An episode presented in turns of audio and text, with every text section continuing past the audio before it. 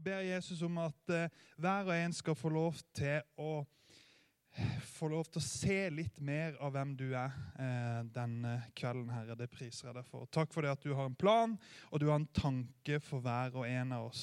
Og takk for det at vi kan få lov til å erfare det denne kvelden. I Jesu navn. Amen. Hei! Har dere det fint? Du, eh, jeg har gleda meg skikkelig til å være med dere og komme hit. Eh, for dere som ikke kjenner meg, så heter jeg Hans Martin. Jeg er en gammel mann. Jeg er 34 år. Eh, og så er jeg gift, og så har jeg tre barn. Og til vanlig så jobber jeg i Sarensdal, i Troens Bevis. Der jobber jeg som noe så rart som heter at jeg er evangelist. Og det er det jo veldig få av dere som aner hva jeg er. Eh, men eh, det egentlig det jeg pleier å si, det er det at min jobb er å reise rundt omkring i hele verden og skryte av Jesus. Det er min jobb. Eh, og det er egentlig det jeg gjør. Jeg reiser veldig mye og har vært i mange forskjellige land. Eh, og de aller fleste som jeg vanligvis forteller om Jesus til, det er mennesker som aldri har hørt om Jesus. Mennesker som ikke aner hvem Jesus er. Hadde jeg sagt at Jesus var et nytt skomerke, så hadde de trodd det. Så lite peiling har de om hvem Jesus er. De har ingen peiling i det hele tatt. Og det er alltid veldig gøy. Fordi at eh, Når jeg forteller mennesker om Jesus Hvis jeg liksom hadde fortalt en historie fra Bibelen til dere, og jeg hadde fortalt om David som skal slåss mot Goliat, så vet jo alle her inne hvem som vinner i historien. Hvem er det som vinner? Ja, dere vet det. Det er, bare, det er ikke så galt på, eh, her på lista at ikke dere vet det. Det vet jeg, ikke sant? Dere vet at David han slår Goliat. Men det som er veldig gøy når jeg i disse landene og forteller for den historien, det er at ingen aner hvem som vinner. De har liksom ikke hørt den før.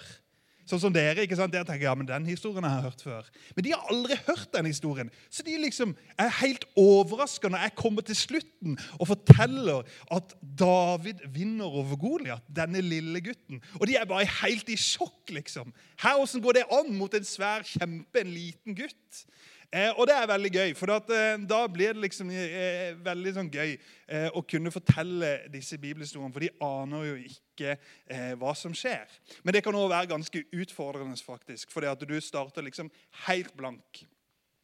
Eh, og det jeg hadde tenkt i dag, og som Jonas spurte meg om, det var om jeg kunne dele litt grann, mitt vitnesbyrd, min historie. Eh, og Det har jeg lyst til å gjøre, og det er jeg veldig glad i å gjøre. Fordi at eh, jeg tror det er veldig bra å kunne dele liksom sine erfaringer med Jesus. For ofte, i hvert fall når jeg var på deres alder, så var jeg, jeg var ganske sånn eh, Jeg var litt pøbel når jeg var eh, liten. Er det noen av dere hvor dere er liksom, De fleste av dere er 12-13-14-15 år. Er det ikke det? 16? og når jeg var i den alderen, da var jeg skikkelig pøbel. Men jeg var veldig snill, men jeg var en pøbel. Jeg, jeg, jeg er oppvokst i en kristen hjem. Og min, mine foreldre, eller min far, han var pastor i, eh, i den menigheten som jeg vokste opp. Og, eh, men når jeg var syv år, så fikk mine foreldre jeg vet ikke om dere har hørt et sånt ord, men det er et sånt rart kristent ord. Eh, mine foreldre de fikk noe som heter et kall. Det høres veldig rart ut. Kall, liksom. Ja, ble de kalde, eller hva hva som skjedde for noe? Nei, det var at de, de trodde og opplevde at Gud sa at de skulle reise til et sted og fortelle mennesker om Jesus. Og når mine foreldre kom liksom og sa eh, vi, har, vi, vi opplever at vi skal reise til et sted, og jeg var syv år Eh, for det første så ville jeg jo ikke reise, for at, hallo, jeg ville jo ikke reise fra gata mi, fra stedet der jeg bodde, fra liksom kameratene mine. Jeg ville jo ikke reise. Og, men så tenkte jeg jo kanskje sånn OK, kanskje det blir et kult sted vi skal flytte til. Jeg håper liksom det er Hawaii, jeg håper det er liksom New York eller Texas. Eh, jeg håper liksom at det blir London. Liksom, det må bli noe skikkelig bra. Når Gud liksom har sagt at vi skal reise til et sted som familie. Og skal jeg si deg hva, de, hvilket sted de, de opplevde Gud sa de skulle reise til? Det var ikke Texas, det var ikke Hawaii, men det var et sted som heter Båtsfjord. Og det er det jo ingen av dere som har hørt om. Og det hadde jo ikke jeg heller. Jeg ante ikke Båtsfjord. Så jeg begynte liksom å tenke ja, kan det være et sted i USA. Båtsfjord med Å? Nei, nei, det kan jo ikke være det. Eh, og Båtsfjord det ligger liksom helt nord i Norge, i Finnmark, så langt nord du på en måte kan komme. Og så Ikke bare så langt nord, men langt ut på liksom en kyst. Der er det liksom, det eneste, det er litt som Lista. Det eneste de holder på med, det er å fiske. Eh, og liksom like øde som Lista. Jeg kom liksom kjørende her, og så tenkte jeg liksom, jeg visste hva jeg snakka med en som sa at vanligvis er det liksom, kan det være 100 ungdommer hvis ikke det er korona på møtet. Og da tenkte jeg, hvor bor alle disse 100? Det var det jeg tenkte. liksom. Hvor bor de hen? Det er jo, jeg liksom finner jo ikke 100 hus engang. Og sånn, Litt sånn var det i Båtsfjord. Og så, eh, så liksom flytta vi til Båtsfjord da jeg var syv år. Og det å flytte til Finnmark det er litt sånn rart. For i Finnmark så er de, de blir voksne veldig tidlig. Eh, og, og, etter vi, hadde, vi bodde tre år i Båtsfjord, og så flytta vi Eh, så opplevde mamma og pappa da igjen at Gud sa nå skal dere reise til et annet sted. Og da tenkte jeg yes! Nå blir det Hawaii. Nei, vet du hva det ble? Det ble Kirkenes. Altså, snakk om å ha uflaks! Altså, Kan du finne to verre steder, liksom? Eh, og jeg har bodd ti år i Finnmark. Og det som er litt kult, da, det er det at eh, jeg, sånn, jeg kan plutselig bare bytte dialekt. For Jeg har bodd ti år i Finnmark, så jeg kunne egentlig ha prata finnmarksdialekt. Så når jeg snakker med vennene mine i Kirkenes eller i Båtsfjord, så snakker jeg sånn her. Og altså, jeg, når jeg var liten, da, så snakka jeg liksom den dialekten. Jeg gjør det faktisk ennå. Men jeg, skal holde meg til kristiansandsdialekten min. Og jeg bodde, bodde der i ti år. Men når jeg var 11-12 år gammel, så er det jo sånn at mange av dere har helt sikkert når dere var små, så, eh, eller kanskje enda, så måtte dere gå på møter. Er det noen av dere som har måttet gå på møter med mamma og pappa? Det er helt sikkert noen av dere som har gjort det her. Og vet du noe? Jeg syns det var så dritkjedelig. Jeg synes det var drit. De sang noen dritkjedelige sanger. Og skal jeg si deg noe? Og når jeg måtte gå på møter det som er, ikke sant, Her så har dere liksom andre på deres alder. Dere er jo liksom, For det om dere er få kanskje i dag, så er dere jo liksom mange. Skal jeg si deg noe? Når vi bodde i Finnmark Den nærmeste min egen alder utenom mine søsken, vet du hvem det var? Det var mamma og pappa. Som gikk i kirka. Hvor fet er det, liksom? Nå skal vi, nå skal vi ha liksom ungdomsmøte, eller liksom eh, tweens. Ja, det er mamma og pappa, liksom. Altså, Det var ingen andre, bortsett fra mine søsken. Det var ingen i kirka, liksom. Og, og det var liksom meg Og så gå på møter. Jeg syns det var så kjedelig. Så når jeg var tolv år, tror jeg det var, så bestemte jeg meg for at jeg tror ikke på Gud. Jeg tror ikke på Jesus. Og det er ikke noe for meg. Det er noe for gamle folk og litt rare folk.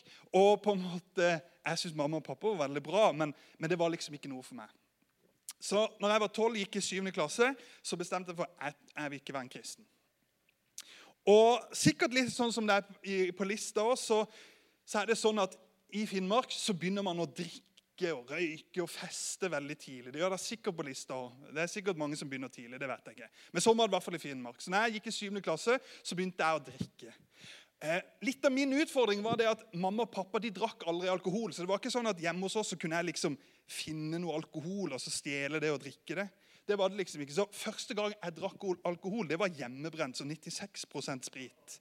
Ikke sant? Så det var liksom, det, det gikk ikke så greit. Så, så, jeg gikk liksom på en skikkelig smell med en gang. Men jeg begynte liksom å feste. Og, og jeg har alltid vært en av de, liksom, de kule guttene. Når jeg gikk på skolen, så var jeg alltid de som skulle være kule. ikke sant? Jenter, dere vet hvordan de guttene sant, skal tøffe seg hele tida. Så er de jo bare barnslige. ikke sant? Bare nikk, jenter. Kan alle jenter nikke? Dere skjønner hvilke gutter jeg mener. Sånn var jeg, liksom. ikke sant? Jeg var alltid den kuleste og skulle alltid være liksom denne som var, var liksom, skulle være så tøff. Og jeg var liksom alltid sånn altså, Men jeg var egentlig veldig snill. Av en eller annen grunn så var jeg liksom sånn For eksempel, jeg hater folk som mobber andre. De, de, liksom, de skulle jeg alltid banke av en eller annen grunn. Jeg vet ikke hvorfor. Men Det, bare, liksom, det ble jeg alltid irritert på. Så jeg, jeg, var ofte sånn her, jeg fikk alltid liksom måtte opp til rektor. altså Det var sånn fast. liksom, 'Hei, rektor, her er jeg igjen.' Ja, ok, ja, det er greit. Jeg skal ikke gjøre det igjen. Og så gjorde jeg det neste dag. ikke sant? Jeg var en av de. Eh, men når jeg var der oppe, da, så, så har jeg alltid vært veldig glad i hiphop. Jeg har alltid vært veldig glad i hiphop. Så jeg begynte veldig tidlig og begynte å skrive sanger. Og, og etter hvert så begynte jeg å rappe litt. Grann, og, og, eh, og etter hvert, når jeg var da 17, så flytta vi tilbake til Kristiansand. Eh, og så drev jeg og holdt på med dette hiphop, og det var masse festing. Og, og etter hvert så begynte jeg å bli ganske bra til å rappe.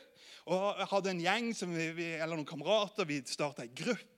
Og vi begynte å ha litt konserter. Og, og liksom begynte liksom å bli ganske sånn her, eh, Vi var ganske bra. Altså, jeg ble spilt på P3. og liksom, det var liksom, Vi begynte å ha en del konserter. Jeg husker høydepunktet mitt i min rappekarriere. Jeg skal si hva det var. Det var. Vi var i Bergen og hadde konsert. og Da var det 1000 mennesker som hadde betalt for å komme og høre oss rappe. Og det, det, var høydepunktet. Og skal jeg si hvem som varma opp for meg? Dere har sikkert ikke hørt om han, for dere er jo så unge. Men Lars Vaular varma opp for meg. Det er, liksom, det, er, det, er, det, jeg kan skryte av. da. Det er, det er, mitt høydepunkt i min rappekarriere. Å ha Lars Vaular som oppvarmer. Eh, han har kommet litt eh, lenger enn meg i rappinga. Jeg rapper eh, veldig lite. Men, eh, men, det er liksom mitt høydepunkt. Men så, så oppi alt dette her, festinga og herjinga, alle disse tingene, så, så, var det alltid liksom sånn her Mine foreldre jeg visste jo liksom at de ba for meg. Og, og jeg syntes jo det var liksom sånn teit. Jeg visste jo at de liksom håpte at jeg skulle få se Jesus og se lyset og møte han eller et eller annet sånt. ikke sant? Jeg, jeg tenkte liksom, jeg, jeg vet jo at de ønsker det. Men inn, oppi alt det her så hadde jeg sånn et tomrom inni meg. Jeg prøvde liksom å fylle det med alt mulig, med festing og damer og hiphop og alt mulig. Men det ble liksom, det tomrommet var der hele veien, liksom. Så jeg husker to uker etter denne konserten som vi hadde i Bergen, så plutselig så bare bestemte jeg meg for at jeg gidder ikke å rappe lenger. Jeg slutter. Og de kompisene mine ble jo drit sure, liksom. Det var, var liksom høydepunktet. Vi var liksom up and coming, blitt spilt på P3. Og, og, det var liksom der. Og så finner jeg på liksom, nå gidder jeg ikke mer. Og Det var jo ikke fordi at jeg hadde møtt Jesus, eller hadde ingenting med det men jeg bare, det ga meg liksom ingenting. Og så har jeg vært sånn her, jeg alltid må søke liksom spenning. Eh, jeg syns jo kristne var dritkjedelige.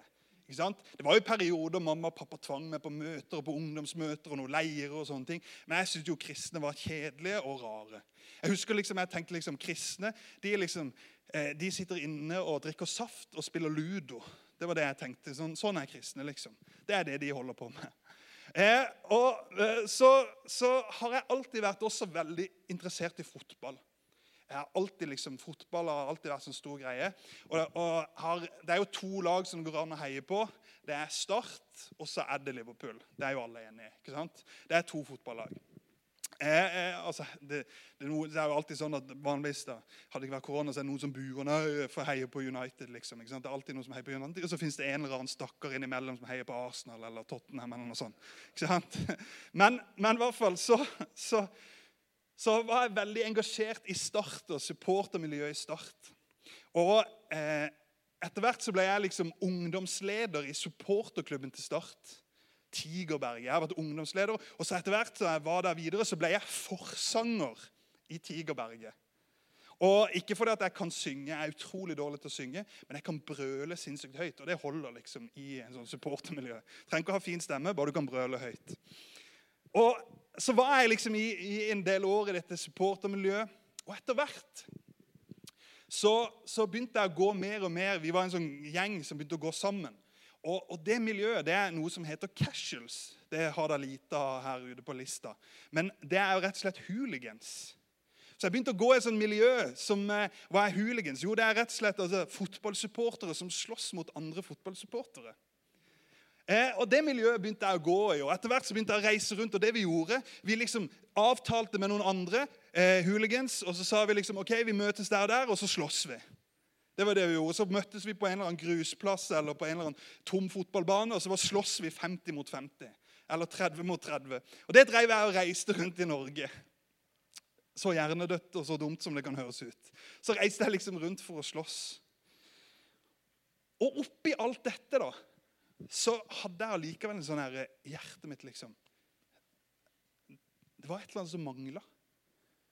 Men jeg, jeg, tenkte liksom aldri at det, liksom, det, med Gud og Jesus det er helt uaktuelt. Og så var det for eh, ja, nå husker jeg ikke hvor mange år siden, 13 år siden kanskje, eller noe sånt. Eh, 12, 12 år siden. Så, jeg, så spurte mamma og pappa eh, de spurte meg, Hans Martin, Det var påske snart. og så spurte de, Hans Martin, har du lyst til å dra på sånn eh, teamtur, sånn tur til Latvia? At det var den kirka eller, i Kristiansand som eh, mamma og pappa eh, var en del av. De skulle ha en tur til Latvia der de skulle reise dit og eh, dele ut eh, klær og mat til fattige mennesker. Og jeg tenkte liksom, Hvorfor i alle dager skal jeg bruke påska mi på det? Hallo, påska det er jo festing, det er afterski. Uh, liksom. Hallo, Skal jeg liksom gidde å, å dra, dra til Latvia med en haug med rare kristne? Eh, men eh, så hadde jeg en kompis. da, Han var heller ikke kristen, men foreldrene var kristne. og De hadde spurt han også. Så vi satt og pratet, liksom, og så sa jeg ja, mamma og pappa spurte om jeg ville dra til Latvia. Så sa han, ja, det, det spurte de meg også om. Så sa jeg ja, vi gidder jo ikke det. Men så begynte vi å prate sammen. Så begynte vi å tenke liksom, hallo, i Latvia det er jo dritbillig for sprit og røyk. Og vi skal liksom på tur med en buss som skal kjøre fra Norge til Latvia og ta båten over fra Stockholm. Og det er bare masse naive kristne på denne bussen. De kommer jo aldri til å merke hvis vi smugler med oss masse sprit og røyk hjem fra Latvia til Norge. Så vi bestemte oss for å gå på denne turen, og vi dro. og det, Vårt mål var liksom ikke å hjelpe fattige, men det var for å smugle billig sprit og billig røyk. Og jeg er liksom pastorsønnen. men jeg dro i hvert fall på den turen. Og så var det liksom planen. Vi hadde alt klart, vi hadde med oss ekstra bager liksom, for å fylle dette. her. Det var, vi hadde full liksom, og kikka i bussen underveis. Hvor skal vi legge det? Og sånne ting. Og så dro vi på, på, eh, på denne turen. Og så husker jeg at vi Jeg visste jo at det kom til å bli sånn, men jeg visste jo at det kom til å være sånn samlinger på kvelden der folk skulle liksom fortelle om Jesus og fortelle om de hadde, hvordan de hadde opplevd Jesus og blitt kjent med Jesus. og og, og, så husker jeg alltid at, eller jeg husker veldig godt at det kom opp masse av disse ungdommene. og sånne ting, og Jeg var jo ganske ung da. så, så kom de opp og så fortalte liksom hvordan de hadde møtt Jesus. Så husker jeg så sykt godt, for mange av de kom opp og sa liksom, ja, de hadde, eh, de hadde blitt kjent med Jesus, og nå var Jesus blitt de sin beste venn. Og jeg tenkte liksom For en gjeng med tapere. Ikke sant? Altså, Når du sier at Jesus er din beste venn, da har du ingen venner igjen på jorda. liksom. Det var det jeg tenkte. Du kunne like å sagt liksom, 'Kaptein Sabeltann er min beste venn'. Altså, Like dumt tenkte jeg at det var. liksom. Jesus som beste venn. hallo. Da liksom alle har forlatt deg. Katten har stukket av, og du sitter alene. liksom. Da, da, sier du at Jesus er din beste venn. Det var det jeg tenkte. Og så, så kom de liksom opp og og, så var det liksom, De fortalte masse greier. og Noen fortalte at de hadde blitt helbredet. Jeg tenkte liksom, ja, det er noe du tror, det er bare noe du har funnet på i huet ditt. liksom. Og Så satt vi på sånne, sånn et møte, liksom, egentlig sånn som vi har her. Så satt jeg bakerst. Det gjorde jeg alltid på sånne møter. Det var jo for å komme lengst mulig vekk fra alt og kunne gjemme meg og sitte på telefonen. Eller. Så jeg satt jo alltid med hetta, først capsen og så hetta over hodet. Og så satt jeg der, liksom. Og så, så satt jeg og tenkte nå må det snart bli ferdig, liksom. Det her er så dritkjedelig. Og jeg husker han som talte, han var så dritkjedelig. Sikkert sånn som noen av dere tenker akkurat nå. Nå må han der bli ferdig snart. Sånn tenkte jeg. Eh, og så, så, satt, jeg, så satt jeg helt bakerst. Og så begynte jeg å tenke, for jeg kunne jo alle disse historiene fra Bibelen. Jeg hadde jo hørt liksom alle ting. Jeg hadde vært på søndagsskolen, jeg hadde vært på møter. Hjemme hadde mamma og pappa fortalt. Og så, og så begynte jeg å tenke liksom Hva om det er sant? Det som Bibelen sier. Hva om det er sant at Jesus er veien, sannheten og livet? Hva om det er sant at den eneste veien til Gud er gjennom Jesus? Hva om det er sant at det fins to utveier av dette livet? Det er himmel eller helvete. Hva om det er sant? Og Jeg begynte liksom å tenke sånn Hva om det er sant? Hva om de som jeg tenker egentlig altså Jeg tenkte liksom kristne er en gjeng med tapere. Hva om det er sant at de har funnet svaret? Og du vet at Før så var det sånn her ikke sant? Når jeg var, var, var på den turen, så var det sånn at når jeg drev rundt og sloss og sånn Du vet at jeg, jeg grein aldri. Du kunne slå meg så hardt på trynet du bare kunne, men jeg begynte aldri å grine. Jeg besvimte heller istedenfor å begynne å grine. Jeg var liksom, skulle være en skikkelig sånn tøffing. Så satt jeg på det møtet og så, tenkte, så, så begynte jeg å tenke liksom Hva om det er sant? Så jeg på en måte sa inni meg Så sa jeg liksom Gud, Jesus eller Den hellige ånd, eller hva du heter. Det var liksom det jeg sa inni meg. Så sa jeg hvis du virkelig fins, så vil jeg ta imot det. For jeg visste at Bibelen sa at alle de som tar imot Jesus, gir de rett til å bli Guds barn. Jeg visste dette. Så jeg sa OK, Jesus, Gud, hvis du er virkelig, så vil jeg si ja til deg. Men så sa jeg men jeg orker ikke sånn et kjedelig kristenliv. Sånn her saft og ludo på lørdagskvelden. Det gidder jeg ikke. Jeg orker det ikke. Da, da, da, da gidder jeg ikke. Men jeg vil ha det livet som Bibelen snakker om. At det går an å ha en personlig relasjon med Jesus. Hvis det er virkelig, så vil jeg ha det livet. Hvis det er sant det Bibelen sier, at Jesus han gjorde tegn og under, han gjorde mirakler, ja, men da vil jeg ha det livet. Ikke sånn kjedelig kristenliv, men jeg vil ha det som Bibelen snakker om. Og så, Mens jeg satt bak der med hetta og capsen, så plutselig så opplevde jeg for første gang i livet mitt at Gud snakka til meg. Ikke sånn hørbar stemme, sånn jeg kunne høre med øret. liksom. Hei, Hans Martin, dette er Gud. Det var, det var, liksom ikke sånn. Men det var en sånn stemme inni meg. Så merka jeg akkurat som at det var en sånn kjærlighet eller en kraft over livet mitt. Så plutselig så opplevde jeg at Gud sa Hans Martin, jeg er virkelig. Og jeg vil at du skal leve for meg. Og Fra den dagen så bestemte jeg meg for å si ja til Jesus. Fra den dagen så sa jeg at OK, Jesus, jeg vil følge deg. Men jeg vil ha det livet som Bibelen snakker om. Og vet du hva som skjedde når jeg sa det og jeg hørte Gud snakke til meg? Så begynte jeg å grine. Og Det var ikke sånn der eh, grein fordi at jeg hadde vondt eller jeg var lei meg. Men det var liksom nesten sånn gledestårer. For det plutselig, når jeg hørte Gud snakke til meg, når jeg sa at jeg vil ta imot det inni meg, så var det akkurat som det tomrommet som var inni meg, plutselig forsvant. Og det ble fylt med noe. Og, fra, og Jeg grein, og jeg klarte liksom ikke å stoppe. Og Jeg grein i to timer.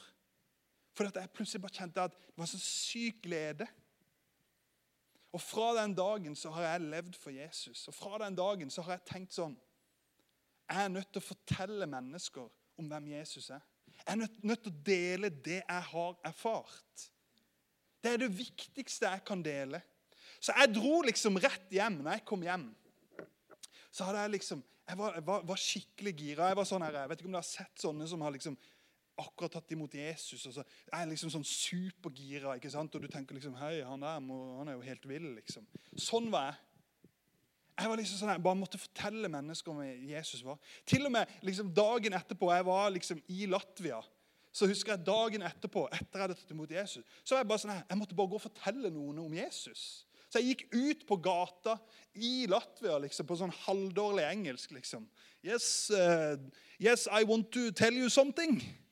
Ikke sant? Altså, jeg var bare liksom, Med en gang der at jeg, liksom, jeg måtte bare fortelle noen om Jesus. Så husker jeg jeg traff en sånn guttegjeng som var sånn skikkelig sånn bøse. Og, og jeg var jo egentlig sånn tenkte selv, for at jeg var en sånn tøffing sjøl. Så jeg gikk liksom rett bort til den der bøseste guttegjengen og liksom så begynte å fortelle liksom, ja, I går så, så møtte jeg Jesus. Og de tenkte sikkert hva hadde han røykt for noe, liksom.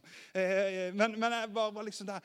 Og så begynte jeg å fortelle om eh, livet mitt og fortalte om at jeg hadde møtt Jesus i går. Og, og så fikk jeg lov til, etter å hadde snakka med dem en stund, og de ble med meg videre på kvelden litt rundt omkring, og så fikk jeg lov til å lede to av disse til Jesus. Fordi at det var en sånn brann inni meg. Og jeg tror den brannen der er så utrolig viktig. Hva var den brannen? Jo, det er at andre mennesker skal få en mulighet til å høre om Jesus. Skal få en mulighet til å få lov til å, få lov til å velge og gi mennesker et valg om de ønsker å ta imot Jesus. Så når jeg kom hjem, så var jeg liksom fortsatt gira. Og du vet at Jeg var i det, i det, egentlig i dette her hooligansmiljøet. og Det er sånn et ganske bøst miljø. Det er, sånn, det er liksom de tøffeste, galeste i Kristiansand. Det er liksom sånn, altså, det er de som har sånn dråpetatoveringer på kinnene. og jeg husker ene, Det var en av de som var en av lederne i dette her hooligansmiljøet i Kristiansand. Han het Stian. Ikke sant? Altså, du bare tenk deg, Han er liksom, altså, han er, han er bredere enn han er høy, og så er han skalla. Eh, og så har han bare, så Hele ryggen er bare en stor Liverpool-tatovering. Og så har han sånn dråpetatovering her. Og så, og så, husker jeg hele veien når jeg kom hjem i flere dager, så, jeg, så dunka det sånn i hjertet mitt. Og så, så dunka det i hjertet mitt fordi at det, jeg begynte å tenke liksom på den gjengen, kompisene mine. liksom. Jeg hadde jo ikke fortalt de at jeg hadde blitt kristen. Og det var liksom, jeg tenkte, det er jo siste gjengen jeg har lyst til å si liksom, at jeg er blitt kristen. Men så plutselig så, så begynte jeg å tenke sånn her, eller fikk noen sånne tanker som var litt så rart. For de tankene var du må, du må ta Goliat. Jeg tenkte liksom, Nå har det, nå det rabla helt. Nå er blitt sånn som de der gale kristne. Ta Goliat, liksom. Jeg skal ut og kjempe som David. Uh, liksom. Hva er det du mener? Nei, og Så begynte jeg liksom å tenke, og så tenkte jeg mer og mer at jeg må gå på det verste stedet jeg kan tenke meg og fortelle at jeg har blitt en kristen. For da kommer det aldri til å bli verre. Det var det jeg tenkte. at Ta Goliat. Gå på den største kjempen. Og liksom gå på det verste stedet du kan fortelle at du er kristen. Og skal jeg si Det var det verste stedet for meg å fortelle at jeg var kristen. Hvor det var? Det var et sted som heter Lundskroga pub. Det er en sånn brun pub. Der var alle disse her fotballsupporterne. Der var liksom gjengen. De var liksom 50-70 stykker som var samla foran hver kamp og drakk og liksom var klare. Når kommer liksom Du skal ut og slåss. Og så husker jeg det så sykt godt. Det var før Vålrenga, en Vålerenga-kamp, og Vålerenga var liksom alltid de som kom flest folk og slåss med. Når vi var mot Vålerenga, så var det liksom, vi var 70, og de var 100. og Det var de gøyeste. liksom. Jeg skjønner det høres rart ut, gøy å slåss, og sånn, men, men, jeg syns det var gøy. Og så, og så, Før den kampen så bestemte jeg meg for ok, jeg skal gå dit og så skal jeg fortelle at jeg har blitt en kristen. Og det var helt grusomt. Men jeg bestemte meg. ok, jeg skal gå. Og når jeg kom dit, alle var liksom i god form. og det var liksom gira. 'Nå skal vi ut og slåss snart.' og liksom Alle var skikkelig gira. Og så, så plutselig tenkte jeg ok, nå må jeg, nå må jeg si det. Så jeg bare 'Øy, gutta! Jeg er bare nødt til å si noe.' Og da var vanligvis noen, noen sa sånn, så var det liksom for å peppe folk til å slåss. liksom. De var sikkert tenkt nå, nå skal han Martin si et eller annet. Oh, kom an, nå skal vi gå ut og ta dem, liksom. Eh, og så, så reiser jeg meg, og så jeg var jeg var så sykt nervøs. Jeg, altså Beina mine de, de gikk sånn. Og jeg bare liksom oh, Shit. Og så, og så, sier jeg OK, du, jeg må bare si noe. Um, og jeg bare um, Du, um, jeg har eh, Jeg har blitt en kristen. og alle bare tenkte, alle bare snudde seg og tenkte What? Hva er det du sier for noe? Eh, jeg har tatt imot Jesus. Og jeg tenkte liksom Nå, nå kommer noen og klabber til meg. liksom. Jeg bare, jeg bare klar liksom beskytte meg. Og Så husker jeg enda liksom, det, det er sånn, det er liksom sy, Husker det så sykt godt. Så kommer, reiser Stian seg. Sitter der, ikke sant? Du sitter på en pub. Han sitter i bar overkropp liksom, med Liverpool-tatoveringer. Piercer den ene nippelen. ikke sant? Og så, og så, reiser han seg opp, og så går han mot meg. liksom. Han, han, kunne jo, han kunne jo spist meg til frokost. ikke sant? Eh, og så kommer han mot meg, og så, så foran alle så sier han liksom og da tenkte jeg, nå skal de Enten så skal han liksom gjøre narr av meg, eller så klapper han til meg. Og så sier han bare 'Så bra, Hans Martin'. Og da var det liksom bare sånn Alle de som liksom sto og fniste litt, og de bare, lufta bare gikk helt ut når han og Stian sa liksom 'Så bra'. Og det var jo ikke sånn liksom Historien hadde vært veldig bra hvis jeg sa ok, nå kan alle sammen lukke øynene sine, og nå skal jeg telle til tre. Og de som vil ta imot Jesus, de kan løfte hånda. Jeg gjorde ikke det. Jeg var, jeg skulle, det hadde vært en veldig bra historie hvis jeg hadde gjort det, eh, eh, men jeg gjorde ikke det. Det jeg gjorde, det var bare at jeg gikk og sa ha det bra. Eh, og det som har skjedd for mange av disse, så er jeg liksom blitt presten deres. De kaller meg presten. Det er liksom Hver gang det er et eller annet galt som har skjedd, eller et eller annet, så er det liksom 'Øy, presten', sier de alltid. Eh, og, og, flere av de har jeg faktisk fått lov til å lede til Jesus i ettertid. Men for meg var det superviktig å ta liksom verste, det verste stedet. Men jeg tror for deg òg Nå er ikke alle dere som skal dra på sånne steder, men jeg tror for oss alle så er det superviktig og det å dele Jesus med andre. For mange av dine venner og for mange av de rundt deg så er du kanskje det eneste bindeleddet mellom de og Jesus. Og Det tror jeg er viktig å tenke på. Du er kanskje den eneste bindeleddet mellom de og Jesus. Og Jeg tror det er superviktig å faktisk dele evangeliet. Dele det du har opplevd. Ja, men Så tenker du kanskje liksom, ja, men hva skal jeg si? Eller, nei, men Hvis ikke du vet hva du skal si, så begynn å be for vennene dine. Begynn å be om at de skal få lov til å møte Jesus. Fordi at Jesus han elsker de så høyt. Og Det var jo derfor Jesus han dro jo fra denne jorda. Og så ga han oppdraget videre. Han sa, 'Gå ut i hele verden og forkynn.' Fortell om hvem jeg er. Jeg skal være med dere. Det står til og med disse tegn skal følge dere. Men han sier jeg skal være med dere. Jeg skal være med dere uansett. Og jeg tror det er superviktig at du og Kanskje det, kanskje det til og med liksom, det er vanskelig å skulle Men begynn å invitere dem med på møtene her. vennene dine. Det er liksom en enkel greie som alle klarer. Ta dem med på et møte her, så kanskje de kan få lov til å bli kjent med Jesus og møte Jesus. Men Jesus han forandra mitt liv. Og nå reiser jeg verden rundt og forteller om Jesus. Og jeg tror at mange av dere Gud kommer til å sende mennesker. Gud kommer til å åpne dører. Han kommer til å eh, gi dere muligheter, sånn at dere kan fortelle mennesker om hvem han er. For at han elsker vennene dine. Og Han ønsker å bruke det, og at du skal være et redskap for at vennene dine skal møte Jesus. Yes. Jeg skal ikke si så veldig mye mer, men kan vi ikke reise oss opp på beina våre, så kan lovsangstimen komme, komme opp? Skal dere sikkert synge en sang eller to til slutt. Men jeg har lyst til å bare be helt til slutt. Og så har jeg lyst til å, å utfordre deg lite grann. Fordi at kanskje du tenker sånn Ja, men det her er, kanskje det er liksom litt vanskelig. Men jeg tipper at når jeg snakker om kanskje venner som ikke tror på Jesus, og dette her, så, så, tror jeg at det er noen i klassen din eller på skolen din eller naboer eller et eller annet som du tenker på at Oi, han eller hun Jeg skulle ønske de skulle møte, få møte Jesus. Jeg skulle ønske de kunne ta imot Jesus og få lov til å bli kjent med han. Og Jeg tenker sånn at jeg, jeg har lyst til at vi etterpå skal tenke på noen rundt oss som vi skulle ønske fikk lov til å eller som vi ønsker skal bli kjent med Jesus. Noen som ikke er kristne, noen som ikke har tatt imot Jesus. Men det jeg har lyst til å gjøre først, siden ikke jeg kjenner dere så godt Kanskje jeg kjenner noen, men jeg kjenner ikke, i hvert fall ikke alle. Men det jeg har lyst til å gjøre, som jeg gjør alle steder jeg er, uansett hvor jeg er i verden, så pleier jeg alltid, for det har vært så viktig for meg Jeg pleier alltid å gi mennesker en mulighet til å si ja til Jesus, til å ta imot Jesus. For at Jesus han sa, 'Jeg er veien, sannheten og livet'. Ingen kan komme til Gud eller til himmelen uten å gå gjennom meg, sier Jesus. Og Det jeg har lyst til at vi skal gjøre, og det jeg har lyst til å gjøre, det er å gi, utfordre dere, alle dere som er her. Hei, hallo. Kan jeg følge med her litt? Hei.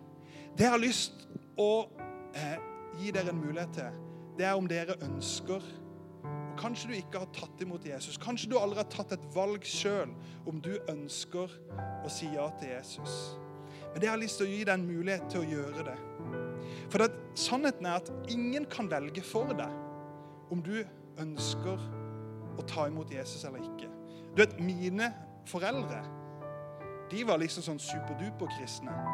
Men det hjalp jo ikke noe for meg. Fordi at jeg var nødt til å ta valget selv om jeg ønsker å følge Jesus eller ikke. Og sånn er det også for deg.